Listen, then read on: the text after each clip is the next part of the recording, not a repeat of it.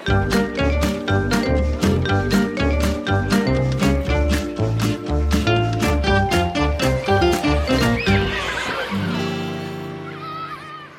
klasserommene kan det være unge gutter og unge menn som sliter psykisk med vonde tanker eller annen indre uro som ingen ser. Og så er spørsmålet hvilket apparat disse trenger, og hvilke relasjoner som må på plass i deres liv. Og hvilken forskjell og arena kan skolen være for guttene som sliter psykisk? Velkommen til lærerrommet, navnet mitt er Vigdis Alver. Og jeg heter Marianne Olsen Brøndtveit. Psykisk uhelse har mange sider og utfall og selvmordstanker kan være et ytterpunkt av dette, og er heller ikke så lett å få øye på. Jenter sliter mest psykisk på statistikken, men eh, gutter og menn utgjør den største gruppen når det gjelder selvmord. Hvorfor er det slik? Vi har med oss tre gjester inn hit i denne episoden for å beskrive, skildre og forklare. Velkommen til deg, eh, Monica Holm Larsen. Du er førstelektor ved Fakultet for helsevitenskap ved Oslo OsloMet. Tusen takk. Og så setter vi også pris på å ha med oss deg, psykolog Peder Kjøs. Velkommen. Takk for det. Og velkommen også til deg, Linn Jeanette Kyd. Du er dramatiker og manusforfatter, annet for TV-serien Rådebank på NRK. Stemmer. Hallo, hallo. Ja, KYD Rådebank den eh, ble jo omfavnet av både kritikere og seere, og tar bl.a. for seg gutters psykiske helse. Og i sesong to så ble det sentralt at en av hovedpersonene, Sivert, ender med å ta sitt eget liv på slutten av skolegangen. Og det uten at vennene hans eller voksne rundt han har forstått alvoret i slitet hans i forkant. Og dette kan jo godt overføres til en helt vanlig hverdag. Og kan du fortelle om samtalene du hadde i researchen da du og dere skrev dette manuset? Jeg kan fortelle litt om det. Eh, det starta med at eh, regissør Daniel Fari og jeg vi, eh, vi satte oss i bilen og så dro vi til Bø. Og det første vi gjorde var egentlig å oppsøke videregående skoler. Hvor vi hadde lagd ganske grundige skjemaer hvor vi skulle stille spørsmål til egentlig både unge gutter og jenter, da.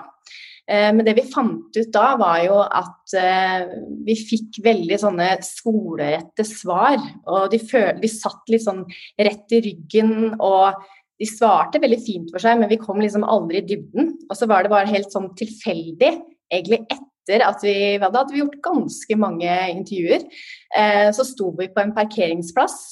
Og utenfor der så hørte vi plutselig sånn dunkemusikk, og så var det en, en mørk rånebil som sto der. Um, og der satt det en fyr um, Jeg tror han egentlig skulka en time. uh, og så satt han og, og røyka og bare chilla han helt. Og så gikk vi bort til han og så sa Hei, um, er du råner? vi har egentlig tenkt å lage en dramaserie om, om rånere uh, fra Telemark. Var han veldig skeptisk først. Så begynte vi bare å snakke litt med han, så sa han for det første er det på helt feil sted. Så han leda oss da til på en måte Esso i Bø.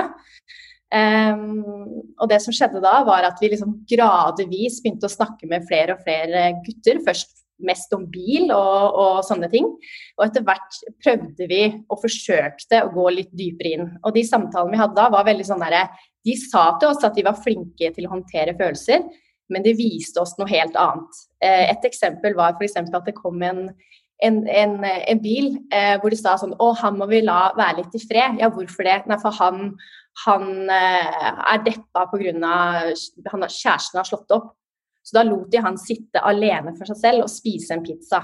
Eh, en annen fortalte oss at dametrøbbel ofte uh, kunne man se fordi det var mange knuste bilruter uh, i Bø. Så istedenfor å, å fortelle om det man satt og sleit med, så, så etter at man f.eks. har eh, krangla med kjæresten sin på en fest, så ender man opp med å slå og slå og slå i bilruta til hånda blør og ruta knuser. Så det fortalte oss eh, om at det kanskje var et reelt behov da, for at vi på en måte kanskje ga eh, disse guttene et verktøy. Mm. Og hva ble da viktigst for deg når denne historien og historien og den informasjonen de, de, ga bort til deg, skulle fortelles, og du skulle forvalte tematikken inn i denne serien? Det aller viktigste for meg var å eh, ta hensyn til etikken rundt det. Eh, vi visste jo at vi kom til å eh, på en måte ta livet av en karakter som folk ble veldig glad i. Eh, min største frykt var at det skulle ha motsatt effekt. At jeg våkna opp en morgen til en overskrift hvor det sto så Rådebank ble inspirert eh, og tok sitt eget liv. Eh, så det var det aller, aller viktigste for meg. Eh, og så ble det på en måte, etter at jeg følte at jeg hadde fått den biten på plass, så ble det også viktig å da få det budskapet så tydelig inn, men samtidig lage selvfølgelig god drama. Men vi ville si at eh, vise unge menn viktigheten av å, å, snakke om følelser, og vise dem hvor galt det kan gå hvis man da ikke tør. Mm. Kjøs, som eh, psykolog så møter du jo mange som av eh, ja, ulike årsaker er i tunge stunder og trenger hjelp for å rette blikket opp og fram, og ikke minst også sette ord på det, som vi hører om her. Når du hører Kyd fortelle om samtalene hun har hatt, og det hun observerte i, i forbindelse med Rådebank, kjenner du igjen det hun forteller, og det Rådebank skildrer? Ja, absolutt. Jeg syns jo den serien er jo, er jo, fantastisk eh, sånn sett at den er jo så tett på. Det er jo åpenbart at uh, dere som har skrevet den, virkelig har sett hva som skjer. Um, og, jeg kjenner godt igjen det der, og at, at det er forskjell på Eh, gutter og jenter der er også en eh, viktig ting. For det, her handler jo på en måte om et egentlig veldig eh, kjønnsrolletradisjonelt miljø. Da. Og dette her handler jo om en type mannsrolle som går ut på å være den der ubevegelige, solide støtten. At, eh, det, er litt, det er litt sånn derre Man skal på en måte være kapteinen på skuta, og når alle andre griner, så holder du i rattet, liksom. Du kan mm. ikke sitte og grine du òg, for da går skuta på grunn. Det er jo på en måte en sånn etikk som kommer fra en eller en mannsrolle, som kommer fra en verden der det står mye på spill, og hvor det er viktig å være liksom, solid. Og da er det egentlig ikke plass da, til så mye sånn emo, sånn følelsesting. Det blir um, noe man må håndtere på egen hånd. Da. Og du må vise, du må demonstrere at du håndterer det på egen hånd. Så det tenker jeg er godt sett. Det er sånn det er, og det der ser jeg jo igjen på kontoret også. ikke sant? Jeg tror at det er en veldig viktig grunn til at det er flere uh, menn som dør i selvmord. fordi at det, det, går så veldig på tvers av mannsrollen å vise den typen sårbarhet og den typen følelser. I tillegg så er det en, en, kanskje litt sånn makaber ting, da, men uh, selvmordsforskningen viser jo også det at når menn gjør selvmordsforsøk, så er de selvmordsforsøka gjerne mer effektive. da. De, det er ikke så mange damer som skyter seg sjøl i hodet, liksom. Og det er sånn, så det er mye mer effektive metoder, og det har faktisk en god del å si. Så jeg tror nok at antallet forsøk er ikke så, um, så uh, kjønnsfordelt som antallet vellykka. Det er litt viktig å tenke på, for mange vi ser jo disse mennene som ikke snakker om følelser, som holder på, som lukker seg inn i seg sjøl, og hvor det kanskje er statustap og kanskje et rolletap da, som gjerne går forut for at de tar livet sitt. Mens for jenter så er det noen ganger ja, det er litt, eh, kanskje en lengre og seigere og mer sånn innadvendt prosess mm. som er litt annerledes. Så, ja. Men vil du si, altså Du snakker jo om eh, kjønnsroller som nesten har utvikla seg også til tabuområder, eh, mm. med tanke på hvem de er. Men hvorfor har det tradisjonelt sett da vært mer fokus på jenters psykiske helse, tror du? Ja, det tror jeg er noe med at det er mer det er greiere på et vis å snakke om for alle. Alle syns at det å være kvinne, da, ehm, der ligger det veldig mye at man skal være følsom, man skal være klar over sine egne følelser, og det er veldig stort rom i kvinnerollen for å føle. Mye større enn for uh, menn. Mm. Um, og det tror jeg har med de tradisjonelle kjønnsrollene å gjøre. da, At kvinner er jo veldig ofte ivaretagere av relasjoner og den mer sånn mykere verden, mens menn skal på en måte stå der når det stormer, liksom. Og, og, det der er jo i forandring, men de forandringene er kjempeseige og mye saktere enn vi tror. Monica Holm Larsen, vi hørte jo også Kid fortelle om eh, samtaler på videregående skole. Og eh, de som er i Rådebank, de går jo enten på skole eller er i lære. Og du har jo forsket på hva lærere og helsesykepleiere kan gjøre for å fremme elevers psykiske helse. Og hva kan de gjøre? Ja, det er jo mye man kan gjøre som lærer. Altså eh, alle elever er jo innom en skole, og derfor så har jo lærerne en stor mulighet til å påvirke. Og hvis vi viser til den studien som jeg gjorde, så mm, handler det jo veldig mye om det å ha en relasjon til eleven. det å være en trygg voksen når ting skjer i klasserommet, en voksen som har en anerkjennende holdning, tør å, å engasjere seg inn i disse ytringene som kommer, og også det rundt. Og det er ganske krevende sikkert, men det var i hvert fall det lærere mente var veldig, veldig viktig å gjøre. Å være til stede. Og vi vet jo også at uh, lærere har jo en voldsom arbeidsmengde. Så det er noe med, tenker jeg, å være til stede i de litt sånn korte øyeblikkene som også kan ha en god virkning, da. For det, det handler jo om det å bli sett. Det er jo grunnleggende for oss alle. Og mennesker som på videregående skole, altså de elevene, de er jo gjerne i en sårbar situasjon. De skal gå fra barn til voksen, det er veldig mye som skjer. Og hvordan de blir møtt når de på en måte er i den litt sånn søkefasen og litt utfordring, det er veldig viktig. Mm. Skape relasjoner, være til stede og se etter tegn, men mange av disse historiene handler jo om at de tegnene ikke er så åpenbare. Og kan mm. man egentlig forvente at læreren eller skolen da skal ha en kompetanse eller kapasitet til dette? Eh, det er jo noe med å tenke hva er, hva er, det de skal ha kompetanse i. De skal jo ikke ha kompetanse i, om, altså om, psykiske lidelser. Det er jo ikke det vi forventer av lærere. Vi forventer at de skal kanskje kunne se noen symptomer. Altså de kan se Du kan se kanskje en endring av atferd. Kanskje det er en person som En elev som blir mer og mer borte fra undervisningen, f.eks. Som kanskje virker litt anspent, nervøs, kvier seg litt for å være med på gruppeoppgaver, trekker seg unna, eller kanskje da ja, reagerer med mye sinne. Altså det er mange sånne ting, og det, det er ikke på en måte å være, ha, ha kompetanse innenfor eh, psykiske lidelser, men å på en måte ha en sånn kompetanse på hva er det som er normalt, og hva er det som kanskje, kanskje ikke hva som ikke er normalt, men i hvert fall observere endringer. Mm. mm. Og hvor viktig tenker du at helsesykepleiernes rolle er på skolen? Fordi ofte så sitter jo de inne på et kontor, de er der kanskje ikke hver dag, og det er eleven selv som må velge å banke på døra. Ja, og det er jo med tanke på, hvis du tenker på hva som er helsesykepleiers rolle, så er jo det å jobbe bl.a. helsefremmende. Og det er jo ikke det de får gjort mest når de sitter inne på et kontor og tar imot uh, elever på døra. Mm. For det er mer sånn kanskje litt mer brannslukking. At vi tar de problemene som oppstår der og da. Mm.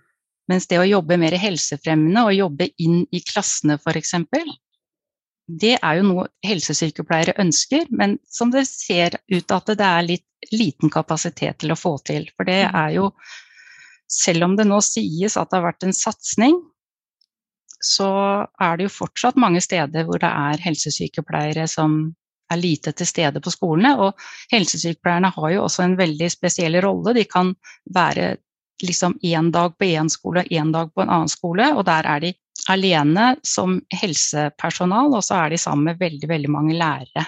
Mm. Så det å få den derre gode Dette å flyte litt med samarbeid mellom lærer og helsesykepleier er jo også ganske utfordrende, men utrolig viktig med tanke på elevenes psykiske helse. Da.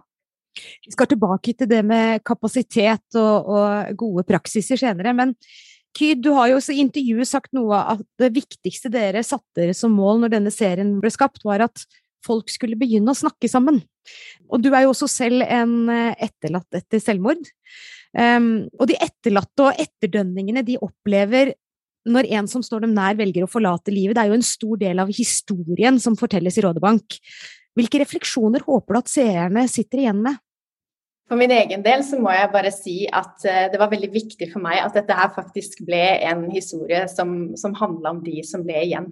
Mm. Um, fordi det sier også uh, Tror jeg forteller også de som, som sliter ganske mye. Um, og kan hjelpe dem til å kanskje se at de trenger å, å oppsøke hjelp, da. Når man ser uh, hva som skjer. Uh, fordi jeg har selv opplevd som etterlatt at uh, veldig ofte når jeg ser filmer uh, eller TV-serier som omhandler selvmord, så har det en tendens til å bli litt sånn Man romantiserer det litt, nesten. Og uh, man ofte ser sånne montasjer hvor du nærmest man, man sånn hyller, og det er så vakkert og flott nesten, det å være, være død. Eh, og da, det, For meg, jeg blir så sint. Jeg blir så ordentlig, ordentlig sint. For det er eh, alt sammen med, med eh, Altså, de som sliter, eh, har det vondt. De som sitter igjen, får det vondt. Eh, og det var veldig viktig for meg at det var det folk skulle sitte igjen med. Og kanskje da få hjelp til å sette i gang eh, noen samtaler, da. Og det jeg har fått tilbakemeldinger fra foreldre som har sett serien sammen med barna sine, som har da sagt at de har fått til nettopp det og hatt gode samtaler etterpå. Eh, jeg har også fått tilbakemeldinger fra lærere som har brukt det i, i undervisningen sin og fått til samtaler. Men det som også har betydd veldig mye, er at jeg faktisk har fått tilbakemeldinger på at folk har innsett at uh, Det var spesielt én ung mann som tok kontakt og sa at uh, jeg har innsett nå at jeg trenger å oppsøke hjelp. Um, så det er jo helt uh, fantastisk da, at en, en, dramaserie kan være med på å, å, sette fokus på det. Ja, for det er jo en overveldende følelse som til slutt eh, knekker Sivert i Rådebank. Samtidig så, så vektlegger også serien det som gir mental helse. Altså fellesskapet i rånerkulturen, vennskapet, lojaliteten. Um, og de voksne er jo ikke akkurat i frontlinja, hvis vi kan si det, sammen med de unge. Hvilken rolle kunne de voksne ha spilt for å ha vært en støtte og et nettverk når verden raser? Hvorfor tok dere de grepene dere gjorde? Nei, for det første så, så, ville vi jo på en måte nå denne unge mannen. Så det var viktig for oss at vi på en måte var på, på bakkeplan med dem. At det er deres uh, point of view vi ser. Det er en veldig subjektiv fortelling fra, fra Og det er jo GT som egentlig ender opp med å bli hovedpersonen etter at uh, Sivert dør, da. Mm. Eh, så det var veldig viktig for oss. Samtidig så ønska vi nettopp det. Å vise at jeg vil jo si at, eh, at, faren til Sivert han gjør jo på en måte ikke noe feil. Han, han, prøver jo så godt han kan å nå inn til sønnen sin, men det viser jo også at det er veldig vanskelig å nå fram hvis da denne ungen mannen føler at han ikke kan snakke om det um, fordi man skal være sterk eller man er redd for at man skuffer foreldrene sine. Så, så det her er jo det er nettopp dette som er så viktig, at man må få normalisert det og vist at alle sliter med dette, og du kommer til å Livet er ikke en dans på roser. Og at um, det da er helt nødvendig for alle å lære seg noen verktøy som gjør at man um, Når man kjenner på disse følelsene som føles så overveldende, at man vet hva man skal gjøre, og kanskje klarer også å identifisere det, da.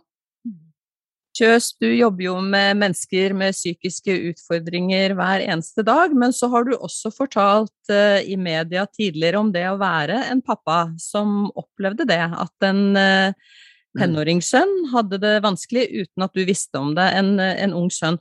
Og hva har den erfaringen uh, lært deg som fagperson? Um, ja, både som både som fagperson og som menneske så vil jeg si at det var ganske, egentlig ganske rystende, faktisk, å oppleve det. Men jeg bare tenker litt eh, at jeg syns at det Linn sier her, henger så veldig fint sammen med det Monica sier. At det det handler om eh, fra voksenverden er jo på en måte å være til stede på en måte som er sånn at det går an å prate med deg, liksom.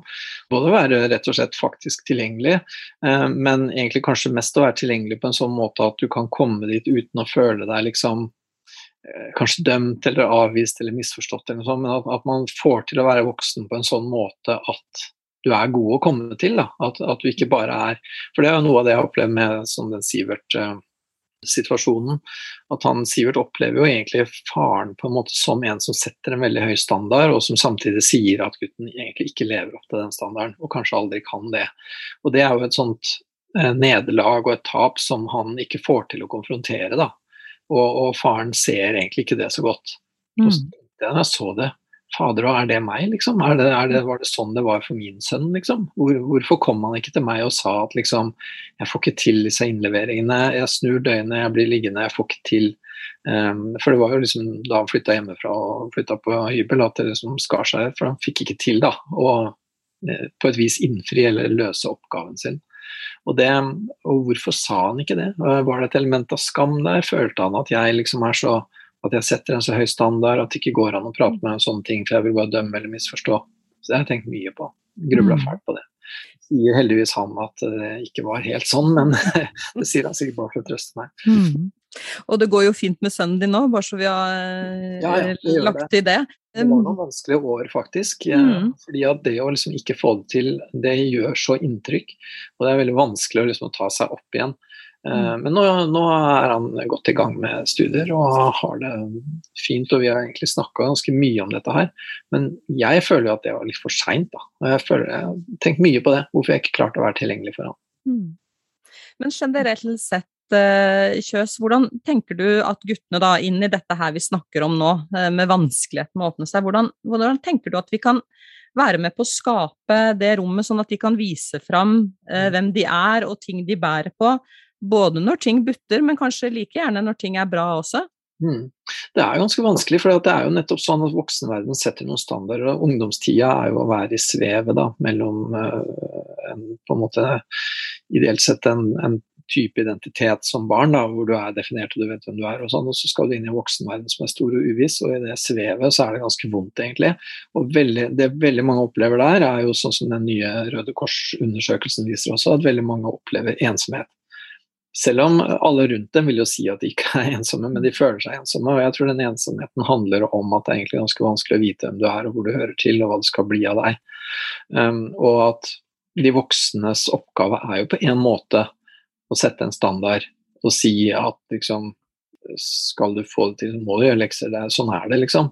Så man kan ikke bare på en måte si at ja, du er strålende, du er fantastisk, for det er jo faktisk ikke sant. Man må jo bli strålende og fantastisk på en eller annen måte, og man må finne sin vei.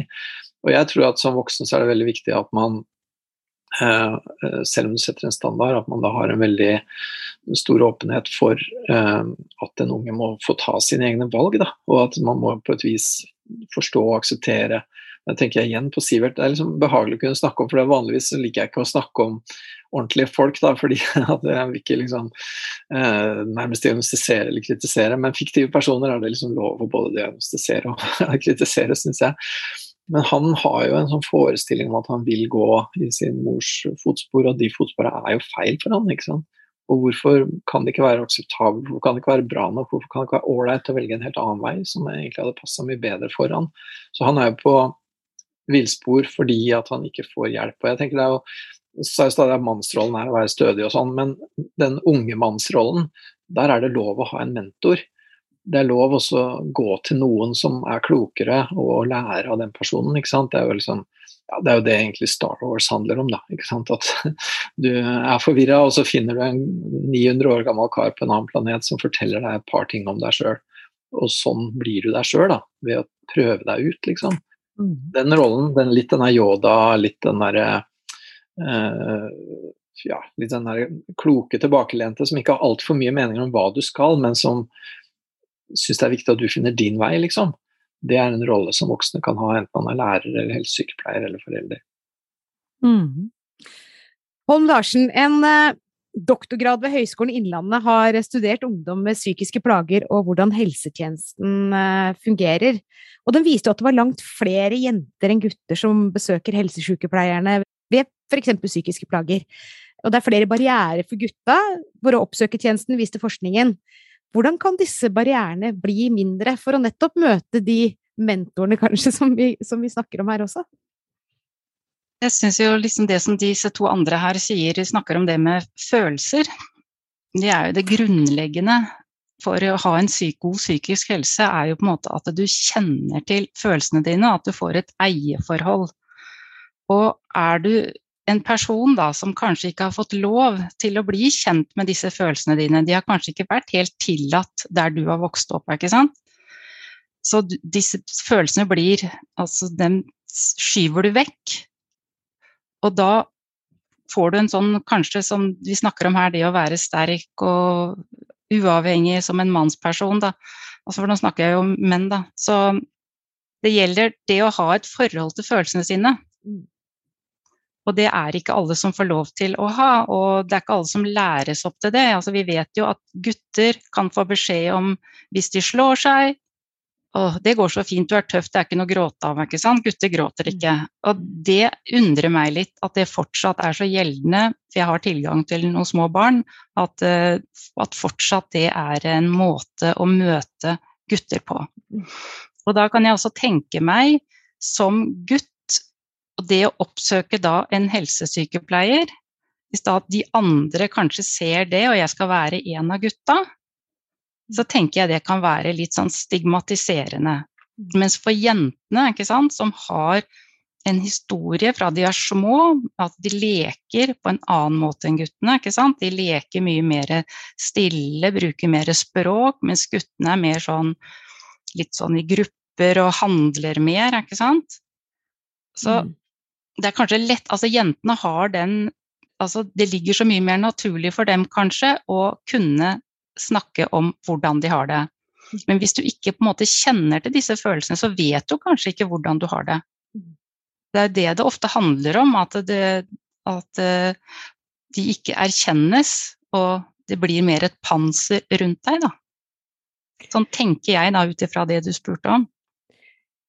Og ligger det da i dette kanskje en viktig rolle i også å bare være lærer, altså man får lov til å bare være en elev i klasserommet, eh, og sortere ut og kanalisere det mørke og vanskelige på andre arenaer, som har kompetansen til å jobbe med det, eller ligger det en risiko der også? Eh, jeg tenker at eh, det er jo ikke enten-eller. Jeg tenker at innafor skolens ramme, altså i, i klasserommet, så er det jo muligheter for å snakke om ting som er vanskelig, og det gjøres jo. Jeg tenker veldig på det nye livsmestring og folkehelse som har kommet inn med fagfornyelsen, som jeg tenker kommer antageligvis som et resultat av at man erkjenner at det er mye utfordring for, som ungdom og barn har når det gjelder det psykiske. Og så kan man komme inn, og så kan man ha det inn i skolen, hvor man snakker f.eks. om følelser, som jeg er veldig opptatt av. Eh, når du er sint, f.eks., hva er det som skjer hos deg da? Det å lære å kjenne det, og så på en måte lære kanskje også den andre, en annen elev, kan streve å være sint. Ja, hvordan tror du det er for den? Hvordan virker dette på hverandre? Altså, det er veldig mye rom i klassen hvis man tar opp det med livsmestring f.eks. Mm. Kyd, vi skal litt tilbake og snakke om eh, både kultur og, og, miljø. Og rånekulturen til eh, gutta i Rådebank den er jo ikke helt anerkjent, og slik kan det også være med andre ungdomsmiljøer. Hva vil det si, eller hva har det å si, at vi anerkjenner guttemiljøet og deres eh, kilde til glede og trivsel, uansett hvor det er eller hva det er? Det har jo kjempemye å si. Det var jo, som det ble nevnt tidligere i dag, alle har jo et behov for å bli sett og hørt. Og jeg tror også det er det som har gjort at eh, Rådbank også har truffet så bredt. Fordi eh, da den først ble lansert, så var det litt sånn at folk flest sa at dette er ikke en serie for meg. Og jeg kan skjønne litt hvorfor man sa det. Fordi vi, lanserte, vi var veldig opptatt av å nå en spesifikk målgruppe og den kulturen. Og da sa vi dette er en serie for deg som liker burger og bil.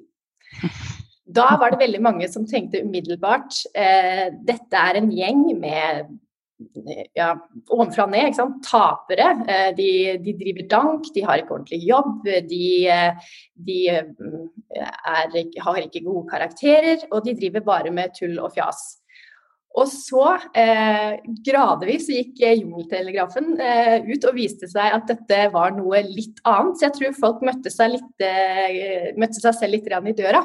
Hvor man da på en måte må innse at, eh, at eh, til syvende og sist så er vi alle mennesker. Eh, og igjen, det handler om å normalisere. Altså Det disse rånerne gikk igjennom, tror jeg det er veldig mange andre eh, i dette landet. Nå har vel Rådebank blitt sett av en million. Det er veldig mange av de samme følelsene veldig mange har kjent på eh, gjennom eh, livet. Så, så, det var veldig viktig for oss å på en måte også ta en sånn spesifikk kultur for å vise at nettopp dette her gjelder alle, uansett om det kommer fra by eller land eller tilhører et spesielt miljø eller ikke. Mm, og det viser jo også reaksjonene du og dere har eh, fått på tematikken i serien.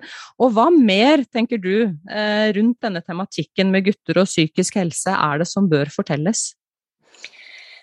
Ehm, ja, det er ehm, uten å avsløre så veldig mye mer om på en måte hva som kommer i sesong tre, for det kommer jo en ny sesong av Rådebank, eh, så kan jeg si så mye som at jeg ble veldig, veldig inspirert av et, noe Tove Gundersen sa, altså generalsekretæren for Rådet for psykisk helse. Hun sa tenk hvis bare unge menn kunne snakket litt mer om det å håndtere kjærlighetssorg, oppleve økonomisk usikkerhet, det å finne sin plass og det å leve helt normale liv, så ville kanskje mange ville fått det bedre med seg selv. Eh, og da har vi jo tatt for oss eh, to av disse her i sesong én og to, så, så, nå skal vi tilbake litt mer til, til hverdagen. Og, og, vise litt hvordan, hva, hva vil det si å ha et godt liv i hverdagen. Flest, det er flest hverdager eh, i livet. Mm. Så hvordan finner man denne hverdagslykken, da? Mm. Ja, Kjøs, vi snakker om hverdagen her. Eh, vi snakker mye om skole, helsesykepleiere og apparatet rundt elevene, men hvis du skal gi noen tips da, til førstelinja i hverdagen om hva det som er rundt elevene, og da de som ser dem fra dag til dag, hva skal vi se etter? Hva mm. bør de se etter? Ja, jeg tror det er eh, Jeg tror jo det er vanskelig å liksom ha en sånn sjekkliste med ting man skal se etter, for det handler om å bygge relasjon, og det å bygge en relasjon som er til å prate i. Da. Og da mm. tror jeg også at man kan gå litt i fella der. for det, Sånn som jeg husker sjøl fra sånne ungdomsarbeidere som kom uh, uh, liksom på gatekjøkkenet og 'hei, hei, ungdommer', da jeg var ungdom, liksom. Uh, og det var så tydelig at de liksom så etter noe, da. Mm. De liksom så etter å ja, er det tegn på at de bruker narkotika, er det tegn på ditt eller datt? ikke sant? Og da, det blir liksom ikke noe sånn der at, at du er en person, du blir en sånn monitor. da, og Det, det husker jeg at vi snakka om allerede da vi var 16-17 år. liksom. Mm. Så jeg tror det å være um, på en måte interessert på ordentlig, da, ikke lete etter tegn, men være på ekte interessert i å bygge en relasjon, og at du faktisk kjenner personen. Og da ser du også når det er noe som er dårlig, da ser du sånn Nå henger du litt med nebbet, liksom. Mm. Heller en liksom sjekklist. Å ja, du har eh, tre av fem punkter på selvmordsrisiko. For det, det blir så stivt, ikke sant.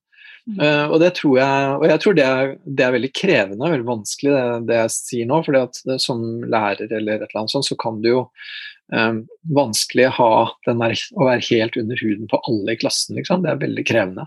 Men uh, vi husker vel alle de lærerne som likevel fikk det til. Da. De som vi opplevde som interesserte medmennesker, og ikke som sånne symptomtellere.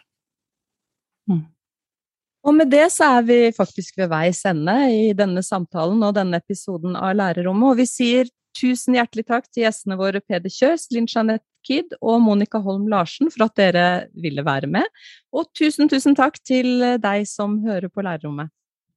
Om du eller noen rundt deg har behov for å snakke med noen etter å ha hørt denne episoden, så kan du ringe Mental Helse på telefon 116 123 og barn og ungdom opp til 18 kan kontakte Kors på halsen på 833 321. Vi i Lærerrommet er snart tilbake med en ny episode med ny tematikk henta fra utdanningsfeltet, så følg oss der du hører på podkastene dine. Ha det riktig bra. Ha det!